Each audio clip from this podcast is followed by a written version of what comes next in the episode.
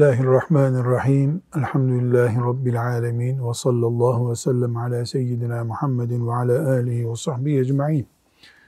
Riyazu Salihin'in bu bölümünde yönetim, siyaset veya idarecilik diyebileceğimiz bir bölüme geldik. Burada altı bölüm ayırmış Nebevi rahmetullahi aleyh. Yöneticilerin merhametli olmaları gerektiğine dair bölüm var. E, adil olmakla ilgili bölüm var. Yönetime talip olmamak, aranan adam olmak, arayan değil aranan adam olmak gibi bölümler var. Yani burada Riyazu Salihin'in bir peygamber terbiyesi aleyhissalatü vesselam öğreten kitap olarak yönetimle, siyasetle ilgili de bir e, bölümler var. Bu bölümlerden yöneticinin adil olması, özellikle İslam devletini yöneten halifenin adil olmasını anlatan hadis-i şerifler var. Keşke biz bu hadis-i şerifleri başımızda ümmeti Muhammed'in yöneticisi olarak bir halifenin bulunduğu zamanda okusaydık. Onu bize Rabbimiz nasip etmedi. Ee, böyle bir e, hayat tarzını biz nesil olarak görmedik. İnşaallahu Teala böyle bir sonuca ulaşmak için çalışan kullardan oluruz. Böylece halifeli bir toplumda olmasak bile ruhumuzu teslim ettiğimizde melekler şahit olurlar ki biz öyle bir toplum özlüyorduk. Elimizden geleni de yapıyorduk. Eh kaderimizde yokmuş deyip belki teselli buluruz Allah'ın izniyle. Yöneticinin adil olması, adalet ne demek onu konuşacağız. İslam dininin gönderiliş maksadının gerçekleşmesi demektir. Çünkü dünyada İslam diye bir dinin var olması insanlar arasında adaletin gerçekleşmesi demektir. Resulullah sallallahu aleyhi ve sellem adaletli bir toplum kurdu. Bu adaletli toplum İslam'ı yaşadı, İslam'a güzel örnek oluşturdu. Bu sebeple de ashab-ı kiramdan yani o toplumdan birisi, üç tanesi, beş tanesi hiç İslam bilmeyen topraklara gittiklerinde uzun uzun ikna toplantıları yapmadılar insanlarla. Neden? Çünkü insanlar duyarak, görerek o ashab-ı kiram üzerinde Allah onlardan razı olsun İslam'ın adaletinin hayat tarzının nasıl gerçekleştiğini gördüler.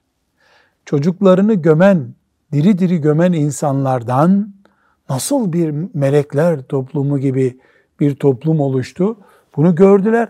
Dolayısıyla broşür dağıtmak veya kitap dağıtmak gibi bir ihtiyacı olmadı ashab-ı kiramın.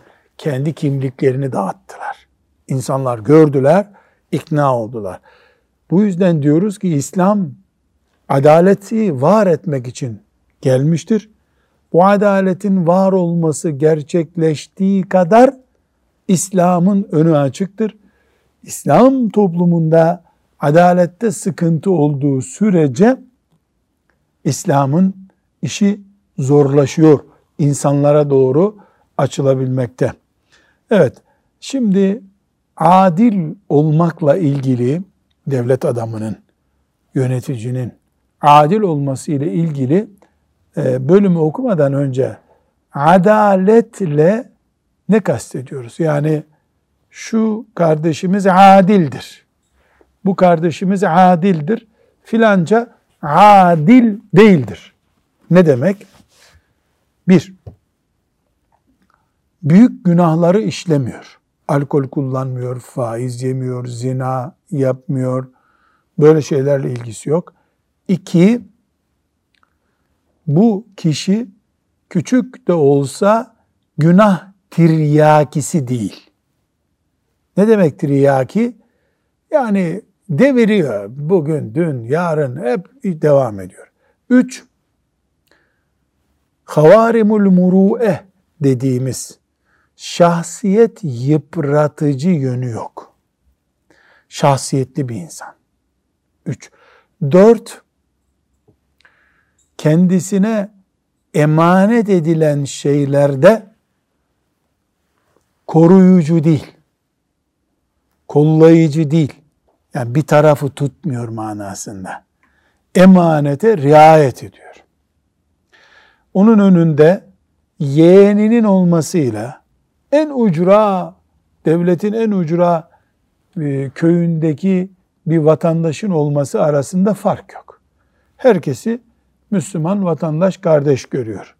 Eşit, adil, dengeli hangi kavram gerekiyorsa o onun yürüyüş çizgisi. Bu insana adil insan diyoruz. Resulullah sallallahu aleyhi ve sellemin hadisi şerifini şimdi göreceğiz.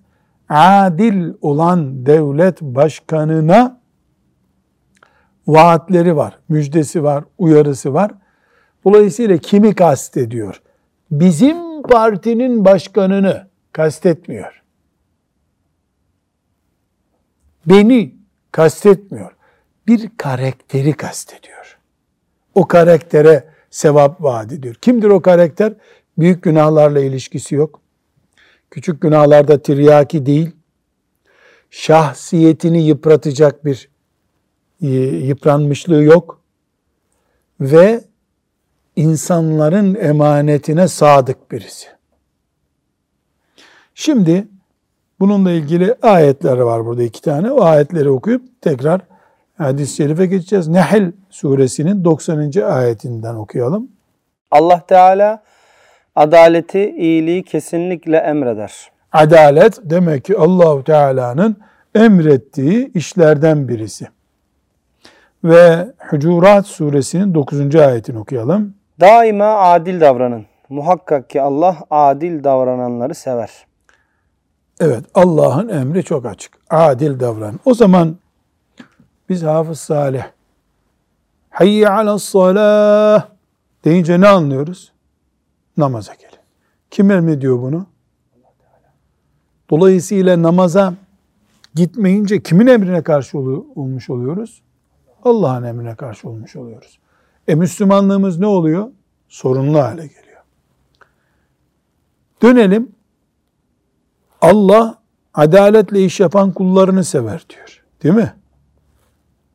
Demek adaletten sapan kulunu seviyor mu allah Teala? Sevmiyor. Namaz kılmamak nasıl bir kabahatse Müslümanlık olarak adaletli olmamak da kabahat mi? Kabahat. Sadece siyasetçi mi adil olur? Hayır. Baba çocuklarına adil olmaz mı? Olur. Dede torunlarına adil olmaz mı? Olur.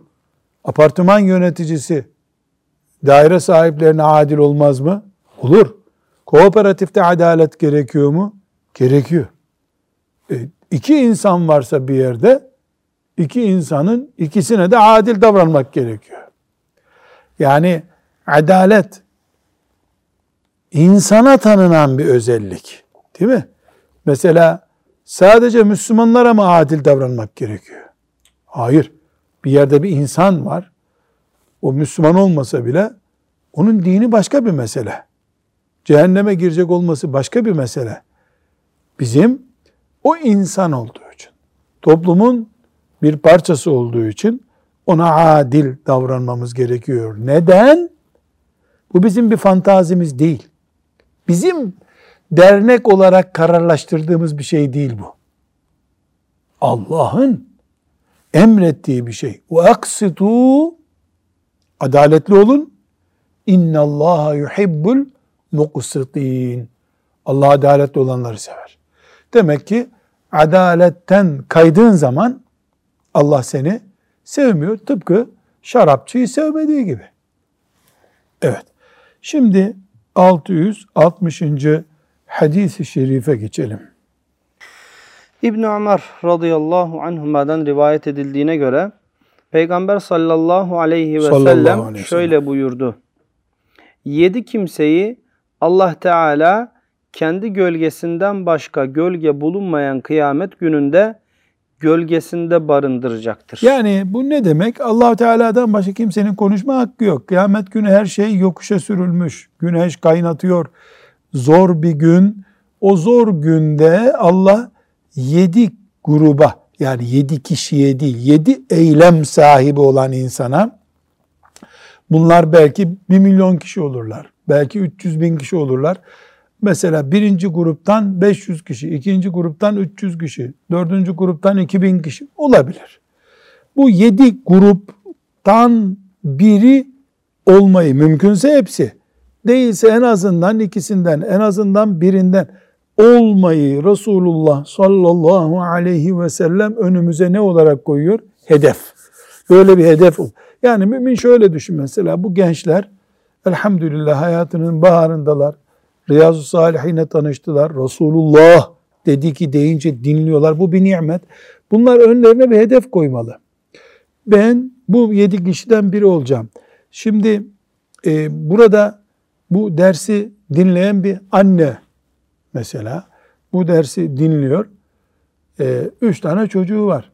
Hedef etmeli ki ya Rabbi bana da işimi kolaylaştırsan bu yedi tanesinden en az birini gerçekleştiren bir çocuğun annesi olayım. Babası olayım. Yani nasıl çocuğumuz doktor olsun, mühendis olsun diye bir hedef koyuyoruz ki zarar yok öyle olsun. Ama bu yedi karakterden birisinden olsun muhakkak aynı zamanda diye bir plan kafada yapmalı. Ama Salih Hafız en iyisi ne biliyor musun? İnsanın yedi çocuğu olmalı. Dün gördüğümüz aile gibi. Her bir çocuğunu da bu özelliklerden biriyle donatmalı. İnşallah da kıyamet günü Hasan Hoca o yedi çocukla beraber şefaatleriyle cennet kolay olur. Yani biraz zor mu oldu bu benim hedefim? Yok hocam insanlar 4-5 fakülteden mezun olmak istiyorlar. 7 fakülte aynı anda burada. Ne fakültesi bu fakülte mi ya? Bunlar e, şu güneş sistemi gibi şeyler elhamdülillah. E, mâzâke alallâhi Allah için böyle bir zorluk yok. Yeter ki kul samimi istesin. Evet şimdi okuyalım bu yedi grup kimlermiş? Adaletli devlet reisi. Ha, konumuz zaten buradan geliyor. Bu hadisi şerif 450. hadis olarak geçmişti. Orada geniş şerh ettik. Şimdi daha üzerinde yoğun durmayalım. Zaten konumuz adaletin, devlet başkanında adaletin aranmasından dolayı bu hadis buradaydı. Adaletli devlet reisi Allahu Teala'nın gölgesini kıyamet günü hak eden bir numaralı adam. Evet. Rabbine ibadet ederek yetişen genç. Ya Allah. Şimdi bunu okuyan genç kız kardeşlerime, kızlarıma, genç delikanlılara, size yani unutmayın. Şimdi adaletli devlet başkanı deyince akla kim geldi? Ömer. Ömer radıyallahu anh geldi. Ya Ömer'in yanına yazılan bir isim sahibi olabiliyorsun sen. Hasan Hoca ile benden geçti bu iş. Kırkı devirdik. Ne mutlu size yani. Yani bu büyük bir lütfu Allahu Teala'nın. Ama ibadet ederek yetişmek ne demek? Haramlara bulaşmamış, ibadet kaçırmamış delikanlı demek. Evet. Gönlü mescitlere bağlı kimse. Nasıl insanın gönlü mescide bağlı olur? Cumadan cumaya gidiyor. Öyle değil. Yani evde filan yerde filan asma sokak no 17'de oturuyor. Evde bulamadım camidedir. Yani bu adam ne biliniyor? Camidedir. Evde değilse camidedir. Hani köy ihtiyarları diyorlar ya evde yok kahvededir. E köyde nereye gidecek adam? Köy kahvesindedir. Nasıl böyle bir doğal olgu var? Bir Müslüman meleklere inandırırsa sonunda evde değilse camidedir. Camiye bağlı adam demek ki. Elhamdülillah. Cealenallahu minhum. Birbirlerini Allah rızası için seven ve buluşmaları da ayrılmaları da bu sevgiye dayalı olan iki şahıs. Yani iki mümin birbirlerini seviyorlar. Para yok, pul yok. Sadece Allah için buluşuyorlar, selamlaşıyorlar, ayrılıyorlar. Bunların ikisini de Allah ne kabul ediyor? Arşın gölgesindeki insanlardan kabul ediyor. İtibarlı ve güzel bir kadın kendisiyle beraber olmak isteyince ben Allah'tan korkarım diyerek buna yanaşmayan erkek. Yani normalde erkek kadının peşinden dolaşır ama kadın erkeğin peşinden dolaşınca erkek bir puan önde gibi daha harama yakın bir yerde duruyormuş gibi oluyor ya. Bunun üzerine allah Teala erkeğin böyle hazır bir fırsata rağmen ben Allah'tan korkarım demesini ne kabul buyuruyor? Arşın gölgesinde ikram kabul buyuruyor. Sağ elinin verdiğini sol eli bilmeyecek kadar gizli sadaka veren adam. Ne demek? Sağ el bu. Bununla bir hayır veriyorsun. Al bunu diyorsun. Sol elin bilmiyor. İnsanın sol elinde göz falan yok değil mi? Ne demek sol eli? En yakını bile bilmiyor. Hanımın da bilmiyor. Hanımı da bilmiyor. Niye hanımına da söylemiyor? Niye Allah için verdim? Hanım bilse ne olur, bilmese ne olur? Reklam yapmıyor. Çeşmenin üstüne yazdırmıyor. Filancaların adına yapılmıştır. Herkes su içebilir. Afiyet olsun, şeker olsun. Tamam para olursa bir daha musluk yapacağız. Böyle reklam, ticaret yok. Allah için yaptık. Gitti. Melekler gördü. Gerisi önemli değil. Düşünen adam. Tenhada Allah'ı anıp göz gözleri yaşla dolan kişi. Evet. Bu kimdir? Tenhada ağlayan. Yani kimse yok. Ee, orada ahireti hatırlıyor, cenneti hatırlıyor, cehennemi hatırlıyor, sıratı hatırlıyor. Resulullah sallallahu aleyhi ve sellem Efendimiz'e buluşacağız. O bize bir tas su verecek, ondan içeceğiz, onu hatırlıyor. Sonra cennette selamun aleyküm diye bir bakıyor ki Allahu Teala bize selam veriyor. Bir de boşalıyor gözü yaşı. Bu nereden kaynaklanır insanda? Film seyretmiyorsun. Allah sevgisinden, Allah korkusundan, takvadan, iman büyüklüğünden kaynaklanıyor. Bunu bir Müslüman yakaladı mı biiznillahi teala neyi yakalamış oldu? Arşın gölgesini yakalamış oldu. Şimdi arşın gölgesi deyince yani tabi ahiret şiddetini, oradaki vahim durumu iman ederek bilen için bu bir taltif. Ha orada olmasa otobüs durağında beklerim derse ne diyeceksin? Ne diyeceksin? Onun için ahireti iman çok güçlü olmalı. Yani kazaya namaz bıraktın, nauzu teala, e kaza edersin de ahirete imanda hafif bir sarsılma oldu onun kazası yok bir daha. O şeytan oradan yakalayıp o sökükten e, bitirebilir. Nauzu teala. Evet bu hadis-i şerif e, bir kere daha şerh edilmişti. Şimdi ikinci bir sonraki hadis-i şerife geçelim. Abdullah İbni Amr İbni As radıyallahu anhuma'dan radıyallahu rivayet edildiğine göre Resulullah sallallahu, sallallahu aleyhi ve sellem şöyle buyurdu. Verdiği hükümlerde ailesinin ve halkın yönetiminde adaletli davranan yöneticiler kıyamet gününde Allah Teala'nın yanında nurdan yüksek koltuklar üzerinde otururlar. Ya Allah önce bu tasvire bakalım. Bir koltukta oturuyorsun. Koltuk kumaş değil, sünger değil, taş değil, mücevher değil, nur. Nur ne? Işık. Yani nurdan koltuk. E bu büyüklük, cennet nimeti işte. Bu koltukta kim oturuyor? İnsanları yönetirken adil davranan. Adil davranan. Onları Allahu Teala ne yapmıyor? Zayi etmiyor bu adaletlerini. Peki Hafız Salih burada çok önemli bir nokta var. Bunu not edelim. Yahu zaten adam ümmetin başına getirilmiş. Zalim olacak hali yoktu ya. Niye buna bu kadar büyük sevaplar vaat ediyor ki Allahü Teala? O yedi kişinin de başında anılıyor. Çünkü yazıyorsunuz notu değil mi? Adaletli olmak o kadar kolay bir şey değil.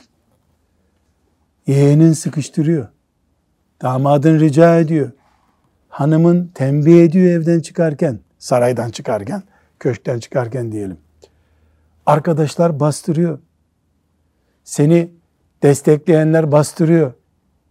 E, askeri grubun var, onlar geliyor. Ya işte Halife Hazretleri bu işi çok geciktirdik, bizim yeğenin tayini çıkmadı diyor. Halbuki o tayini 3 aydır, 5 aydır, bir senedir bekleyen başka vatandaşlar var. Yani her sabah, yaz, kış sabah namazına kalkmak kolay mı? Hemen kalkılıyor mu? Zekat vermek o kadar kolay mı? Deste deste parayı hiç tanımadığın birine. Adil olmak da o kadar kolay değil. Hiç kolay değil o kadar. Çok zor. Ama bizim gibi sıradan bir vatandaş adil ol diye bağırır. Ee, sen zaten yani Anadolu'da bir deyim var ya bekara karı boşamak kolay diye. Neyin adil olacaksın ki sen zaten yani bir adın yok şanın yok. Hükmedeceğin bir şey yok. Ama insanın elinde işte milyonları idare ediyorsun. Koca ümmeti Muhammed'i idare ediyorsun. Senin önünde yeğenin oluyor. Oğlun oluyor. Kızın oluyor. Damadın oluyor. Enişten oluyor. Bir de gariban bir Müslüman oluyor. Al diyorsun gariban Müslümana. Öbürleri şaka yaptın zannediyor. Adalet bu işte. Kendi oğluna bile kırbaç gösteren Ömer adaletli oluyor. Bırak sen korumayı fazladan yük bindiriyorsun. Siz yöneticinin çocuklarısınız. Daha fazla vergi ödeyin diyorsunuz. Kendi nefsine bile adil davranıyorsun. Bir köylü işte bir çoban bile olsa devlet başkanıyla aynı kıvamda duruyor. Bu o kadar kolay hemen yapılabilen bir şey değil. Bunun için adalet ibadet çeşitlerinden biridir diyoruz. Çocuğa yapılırken de yani baba da yaparken adaleti e, çok güzel e, bir görev yapıyor. Yani dinin bir emridir. Dinin bir emri olduğu için de dinin bir emri olduğu için de yerine getirilirken ibadet getirilmiş oluyor. Bu yüzden de nasıl namazı kılarken mesela burada kaç kişiyiz? Beş kişi. Beşimiz de namaza durduk. Aynı namazı kılıyoruz. Mesela ikindiyi kılacağız. Şimdi beşimizin de huşu ve namaz heyecanı, taadil erkanı aynı mı? Değil. Kıyamet günü aynı mı değerlendirecek bunları Allah? Hayır. Herkese namazındaki huşu o kadar. Cennette namazın karşılığını bulurken buradaki kılma ağırlığımız kadar bir karşılık bulacağız. Değil mi? Bunda bir tereddüt var mı? Yok. O zaman biz diyoruz ki bu madem böyledir, namazın bile karşılığı farklı. Herkesin kıldığı yani tamam cenneti kazanıyorsun ama cennette de bir derecelendirme var. İşte adaleti de Müslümanlar uygularken bu şekilde farklı karşılık bulacaklar Allah'tan. Ömer bin Hattab radıyallahu anh gibi adil olanlar işte nurdan minberler üzerinde duracaklar. Demek ki biraz daha adalette geri kalanlar plastikten mi, odundan mı bir koltuğun üstüne oturtulurlar herhalde bilmiyorum. Yani cennette makamların dünyadaki kaliteye göre farklı olacağının da işareti bu. Rabbim e, öyle adil olmayı, öyle adil olanların yönetiminde yaşamayı bize nasip etsin deriz. Bir sonraki hadis-i şerife geçelim. Avf İbni Malik radıyallahu anh Resulullah sallallahu aleyhi sallallahu ve sellem'i şöyle buyururken dinledim dedi. Devlet başkanlarınızın en hayırlısı sizi seven ve sizin tarafınızdan sevilen, size dua eden ve sizin duanızı alan kimselerdir. Devlet başkanlarınızın en kötüsü de size buğz eden ve sizin buğzunuza hedef olan size lanet eden ve lanetinizi alan kimselerdir. Bunun üzerine ya Resulallah onlara karşı tavır takınalım mı diye sorduk. Bize şu cevabı verdi. Aranızda namaz kıldıkları sürece hayır. Aranızda namaz kıldıkları sürece hayır. Evet. Salih Hocam şimdi uzun olduğu dinleyenlerimiz açısından belki biraz e, cümle karıştı. Ben şöyle sorayım sana. En iyi devlet başkanını tarif et. Hadis-i şerifte göre. Bana tarif. En iyi devlet başkanı kim? Ee, insanları seven, seven ve sevilen. sevilen. Bir. İki, dua eden ve dua alan. Dua eden ve dua alan. Üç. Bu. O kötüye geçiyor. En kötüye geçelim. Ee, insanların sevmediği, ve insanları sevmeyen. Sevmeyen ve sevilmeyen. Evet. İki, Lanet eden, lanet alan. beddua alan, beddua eden. Tamam. Peki. iyi belli oldu. Seviyoruz. O da bizi seviyor. Nereden anlıyoruz sevdiğini? E, devleti vatandaşın isteğine göre yöneltiyor. Zenginin, iş adamının, e, arkadaşlarının, partisinin isteğine göre değil. Adalet sağlıyor. Zaten adalet konuşuyoruz burada. Peki kötü adam kimi görüyoruz? İşte bu özelliği ters taraftan olan. Tamam ya Resulallah böylesi olmayınca kapıp kılıcı canlarına girelim mi bunların? Ne buyuruyor o zaman? Namaz kılıyorlarsa hayır. Hayır. Namaz kılıyorlarsa. Hayır. Namaz kılıyorlarsa. Peki burada bir tek gram şüphe kalıyor mu? İslam adına en büyük ölçü namazdır diye. Namaz din, namaz İslam, namaz cennet, namaz cehennem demektir desem abartmış oluyor muyum? Hayır. Demek ki namaz konusunda bir tereddüt yaşanmadığı sürece İslami açıdan bir sıkıntı yok demektir. Ve bu hadisi şerif aynı zamanda bize mümin insanların yöneticileri için dua etmeleri gerektiğini öğretiyor. Sadece vergimizi ödeyip bir kenara çekilirsek tam hadisi şerifin verdiği terbiyeye göre hareket etmiş olmuyoruz demek ki. Müminler olarak devleti yöneten için, yönetenler için diyelim, dua etmemiz gerekiyor. Bu dua sıhhatli bir ömür olur. Yaptıkları işlerde muvaffak olmaları için olur. Yani her halükarda dua nasıl yapılıyorsa müminler dua etmelidirler. Bir başka hüküm daha çıkıyor bundan. Müslümanlar devletini yönetenle ilgilenen insanlardırlar. Devleti yönetene karşı Müslümanın da sorumluluğu var. Nasihat ediyor. Ne diyor sahabe? Çıkalım mı karşılarına ya Resulallah diyor. Ne cevap veriyor? Namaz kıldıkları sürece hayır. Bundan ne anlaşılıyor? Namaz da kalktıysa aradan gidin düzeltin diyor. Demek ki Müslüman devletini yöneten insanın varlığıyla, devleti yönetme tarzıyla ilgilenen insan olması lazım. Ama genel karakter nedir? Müslüman yasalara, yönetime itaat eden insandır. Ana karakter budur. Tek şartı var. Söz konusu kanun Allah'a isyan olmayacak. Allah'a isyan olan bir şeyde itaat olmaz. Onun dışında Müslüman yasal insandır. Yani yasalara dikkat eden insandır.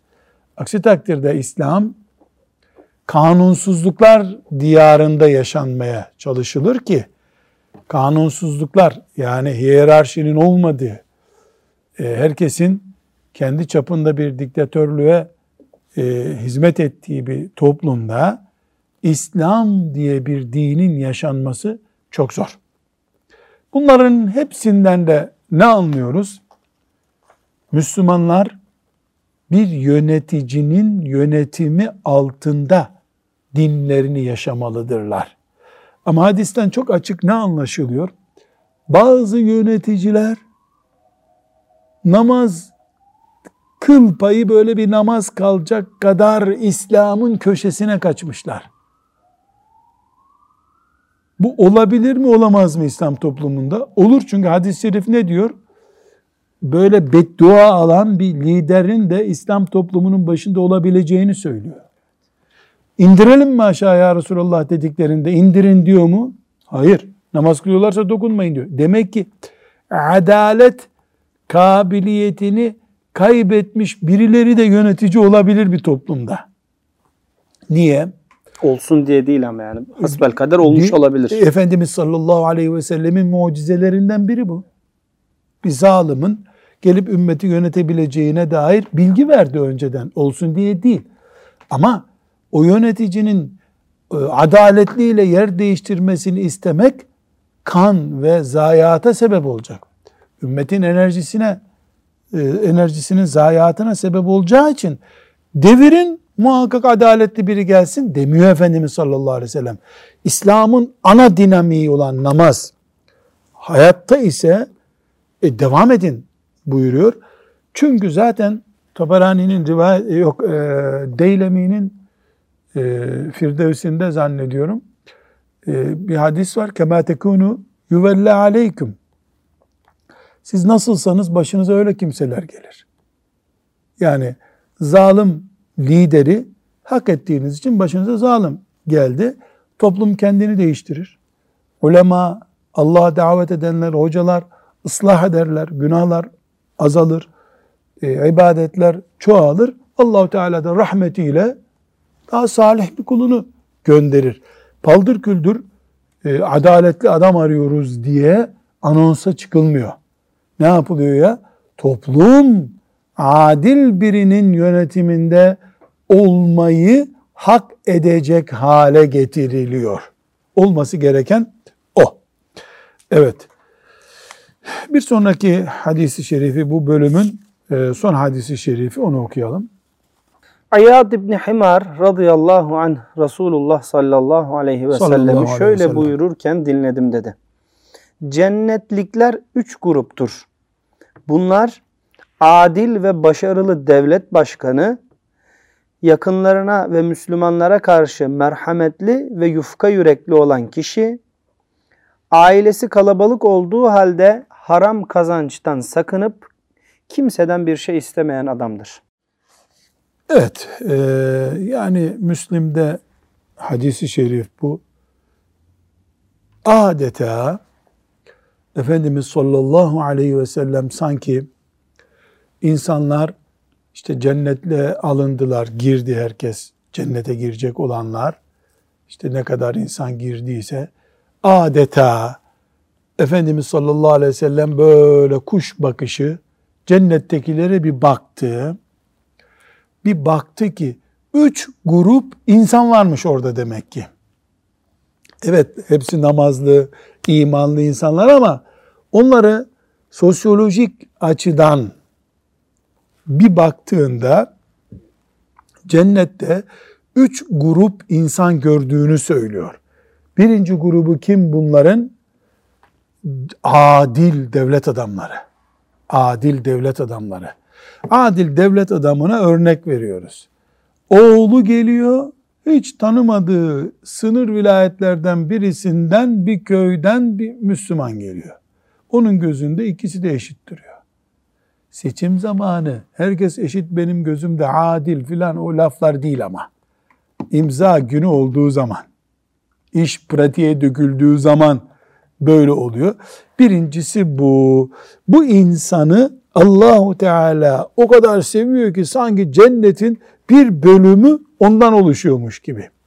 İkinci bölümünde kim var? Akrabalarına ve Müslümanlara karşı merhametli, yufka yürekli olan insanlar. Demek ki cennette kaba insanların yeri biraz az. Çünkü yukarıdan gördüğünde sallallahu aleyhi ve sellem onları hiç görmedi.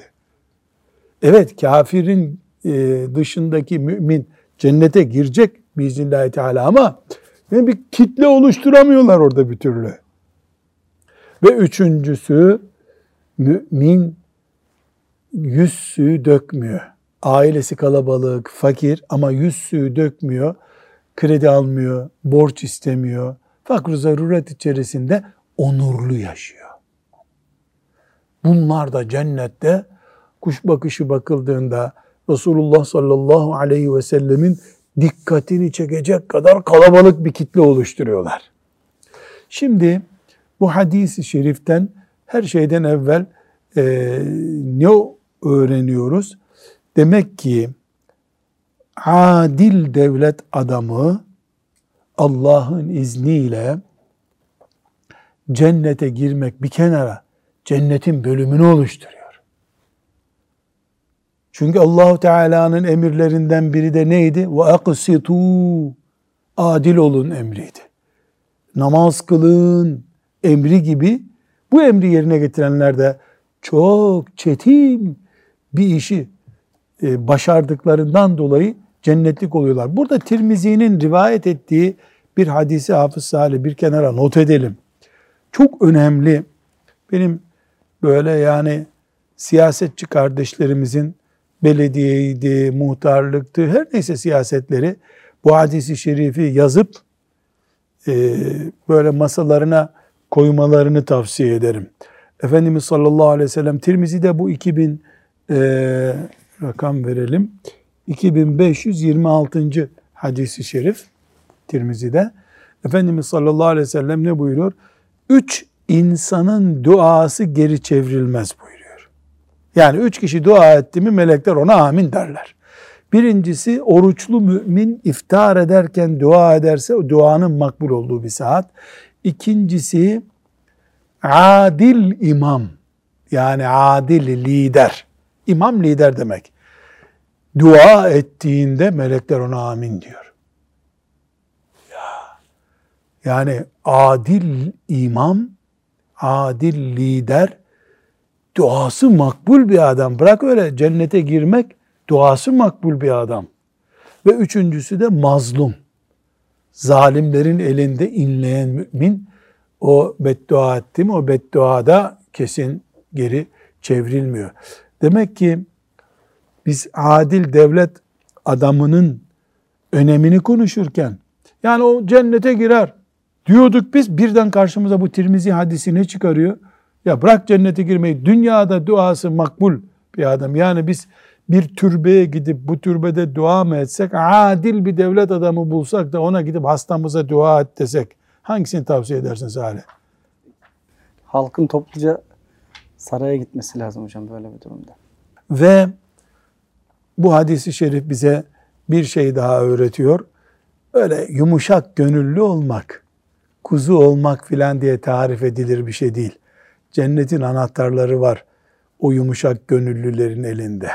Cennetin anahtarlarını taşıyorlar. Bir de ailesinin kalabalıklığına rağmen maaşı az geliyor. Buna rağmen dilenmiyor. Yüz suyu dökmüyor. Babamızın millete borcu yok. Babamız para istemez kimseden dedirtiyor çocuklarına. Bu adam da cennette iyi durumda. Allahu Teala'dan şu mübarek hadisi şeriflerin gösterdiği mübarek yollarda yürümeyi bize nasip etsin diye dua ederiz. Ve sallallahu ve sellem ala seyyidina Muhammedin ve ala alihi ve sahbihi ecma'in. Velhamdülillahi Rabbil alemin.